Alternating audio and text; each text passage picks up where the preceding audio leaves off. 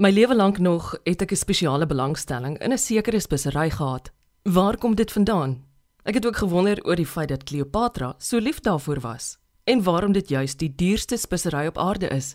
Vanoggend is dit dus vir my heerlik om iemand op die program te verwelkom wie se dagtake die koestering van saffraan insluit. Benny Engelbrecht is stigterslid van 'n maatskappy met die naam Safricon. Hulle is aanstuur van die groei van ons plaaslike bedryf en buiten die storie oor sy liefdesverhouding met saffraan, gaan jy ook nou hoor hoe ons eie rooi goud onlangs 'n internasionale veer in die hoed gekry het.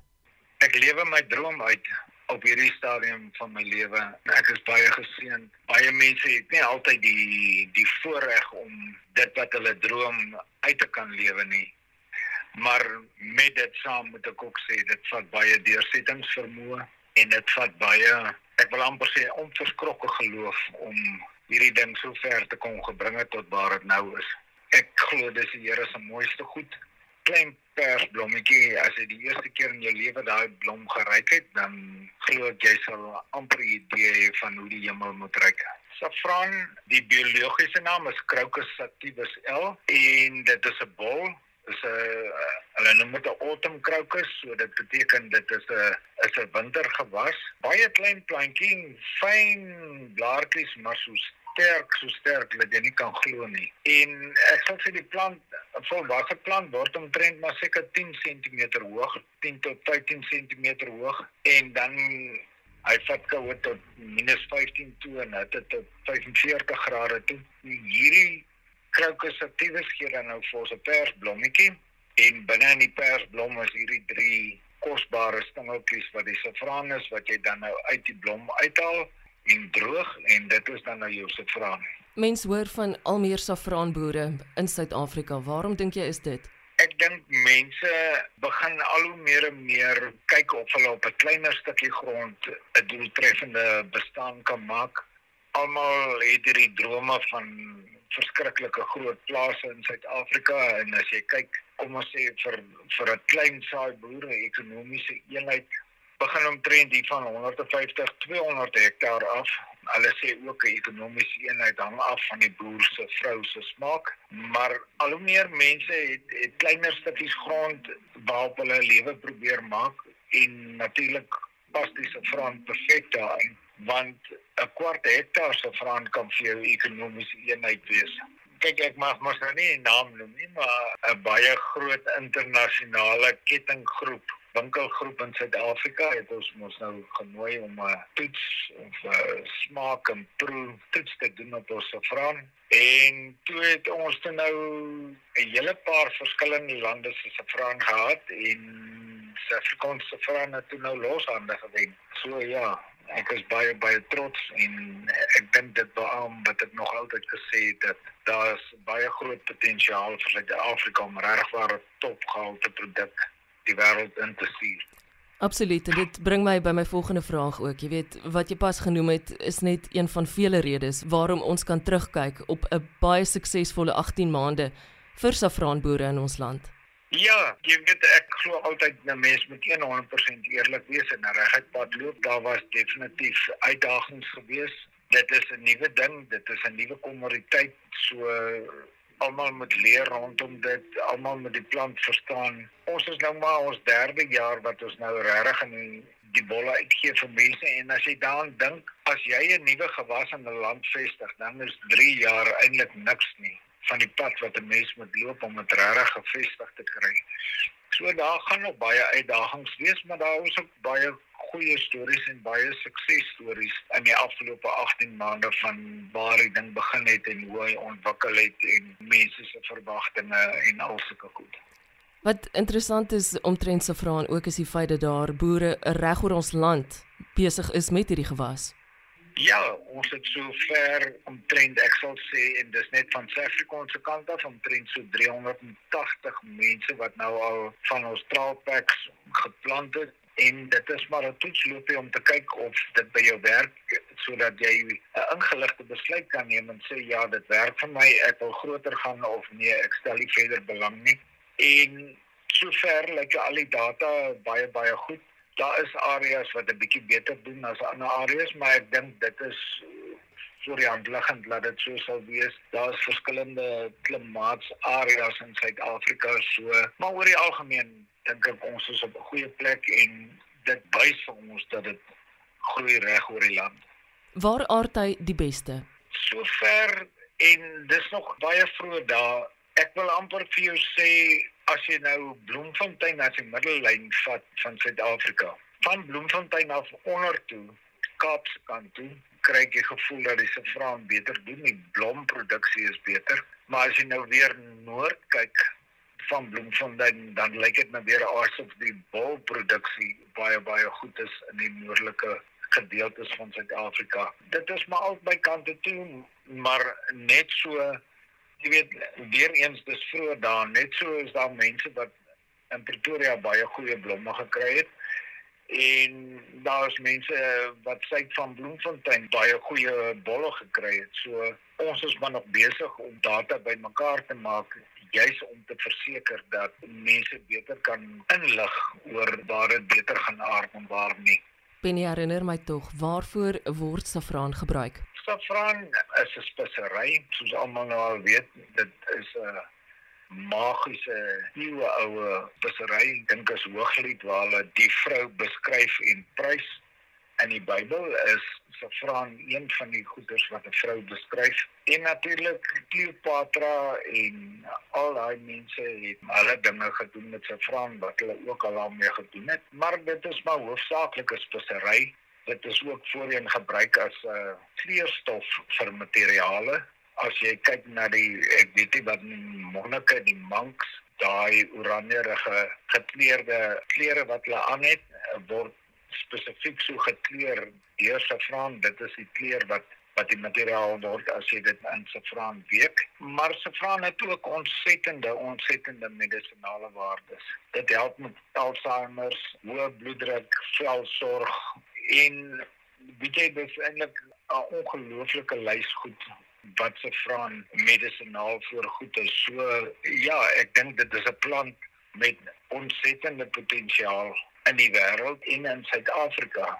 En natuurlik vir die verbouers is dit wonderlik want jou saffraan wat jy verkoop is nie net op 'n enkele mark segment afhanklik nie, maar 'n mens kan diversifieer en verskillende goed uit die saffraan uitmaak wat dan verseker dat jou mark baie oop is as wat jy net 'n enkel kanaal het wat jy dryf. Benny saffraan het ook 'n baie interessante geskiedenis, nê? Nee? Ja, saffraan kom oorspronklik uit die Persie, noem dit nou maar die Persiese belt, die Mediterrane gedeelte van Europa uit wat dan omstrek daarna Pakistan en Indië en daai areas was die oorspronklike area waar se Frans voorgekom het. En dit gee weer aanleiding tot iets baie interessant wat ek vind is ek dink dis 'n groot rede hoekom se Frans tot op hede toe nog nie kommersieel op Suid-Afrika in Suid-Afrika aangepak was is omdat mense geglo het dat dit uitsluitlik daai mediterrane klimaat nodig het om te groei en my navorsing het net eenvoudig vir my gewys dat dit groei reg oor die wêreld. Benny, dink jy ons gaan in die toekoms sien dat daar meer saffraan is in Suid-Afrikaanse huishoudings? Dit is 'n baie groot uitdaging. Ek dink waar ons meer en meer saffraan gaan begin sien is en ons Safricon is definitief besig om aan te werk is om value-added produkte met saffraan in die mark te sit. Jy weet nie net skoon saffraan nie, maar dalk 'n drankie of iets wat wat se vraan in het wat reeds bekend en gewild is in Suid-Afrika. Die potensiaal is daar dat se vraan baie wyeer gebruik sal word in Suid-Afrika, maar ek dink ook daar's nog baie opvoeding en blootstelling wat moet gebeur aan se vraan om dit te doen. Suid-Afrika self het 'n paar planne om in die volgende jaar of twee mense meer bekend te stel aan se vraan en dit regtig waar 'n huishoudelike naam te maak in meer huise in Suid-Afrika.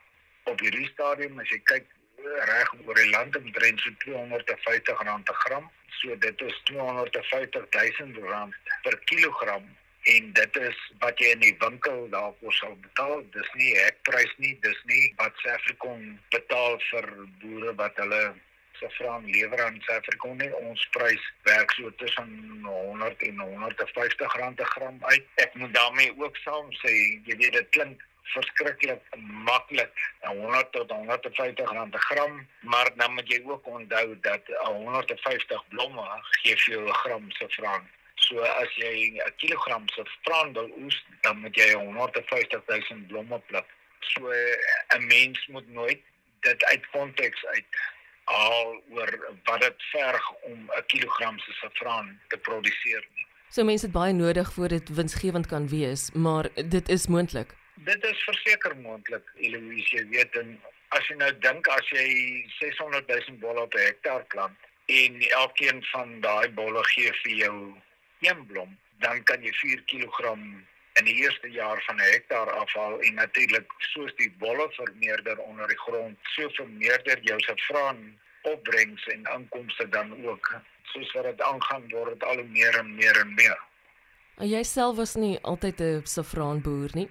Hoe het jou pad met die plant gekruis? Jo, ek gaan net so vinnig vertel. Ek het daar in die suide van Namibië ehm um, op 'n hardap besproeiingsskema groot geword en ek sou saam met my pa gaan boer het en na ek klaar was met die weermag, maar dit het toe nie gerealiseer nie. Toe was ek in die TV uitsaai bedryf in vir 30 jaar in Johannesburg. Almal wat ek wil dit sê in 'n boerdery omgewing groot geword het, sal weet dat as die grond weer onder jou vel is, kry jy dit nie uitgewas nie. Dit is deel van jou So ek het in al hierdie jare die hankering gehad om te boer, sê ek nou met so vrae te boer. Dit het eers later gekom. En nagte se nagskoolwerke alles het ek begin navorsing doen en toe by ouene op so vrae afgekom en vir 4 jaar opgelees en navorsing gedoen om seker te maak is dit regtig lewensvatbaar in Suid-Afrika en toe die kans gevat en dit is hoe dit begin het. Dis hoe die droom begin het. Benny, jy weet dit ek persoonlik 'n baie sagte plek het vir saffraan. Dis iets wat ek graag vir mense gee as 'n geskenk ook en ek sê altyd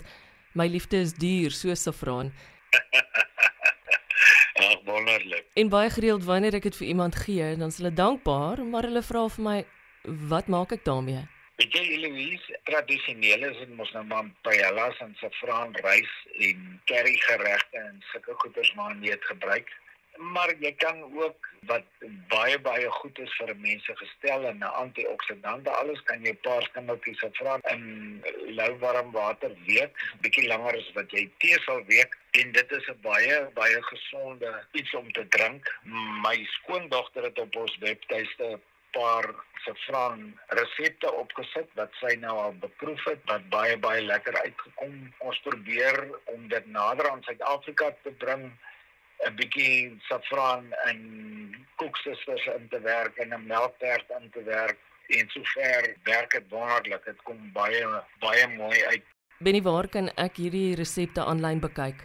Mense is welkom om na ons webblad te gaan by safricon.com en dan net eenvoudig onder resepte te kyk. Daar's 'n hele paar resepte daar. Waarom is jy juis so betower deur saffraan? O, Jesus, dit is vir my een van die ongelooflikste klein plantjies. Dit is vir my 'n absolute David plant wat so klein is maar so sterk is en so ongelooflik mooi deurkom in die blom en in die blare en in die bolle wat vermeerder. En die wonderlike ding van dit is dat dit het so groot wye veld dat ek is nou al 8 jaar daarmee besig. Ek leer nog steeds elke dag nuwe goed van se vraan. Dit is 'n absolute absolute wonderlike klein bolletjie. As ek nou smous was, dan het ek nou hierdie oomblik gebruik om verskriklik te bemark. Maar ek dink as ek enige iets be moet bemark in hierdie nuwe jaar van 2023, dan is dit vir mense en vir jong mense om absoluut hulle drome te volg. Ek het begin met vrae tot mense my uitgelag en vir my gesê wat laat jou dink dat jy dit kan doen. En ek het net absoluut hierdie onverskrokke geloof gehad om te sê ek weet dit sal werk. Ek moet net aanhou. Aanhou is 'n baie maklike ding om te sê, maar om te doen moet 'n mens regtig waar diep gaan delf om die krag en die moed te kry en net eenvoudig voort te beer en te sê ek weet dit sal werk. Hou net aan. Werk hard en glo harder as wat jy werk dat dit waaraan jy werk 'n sukses sal wees.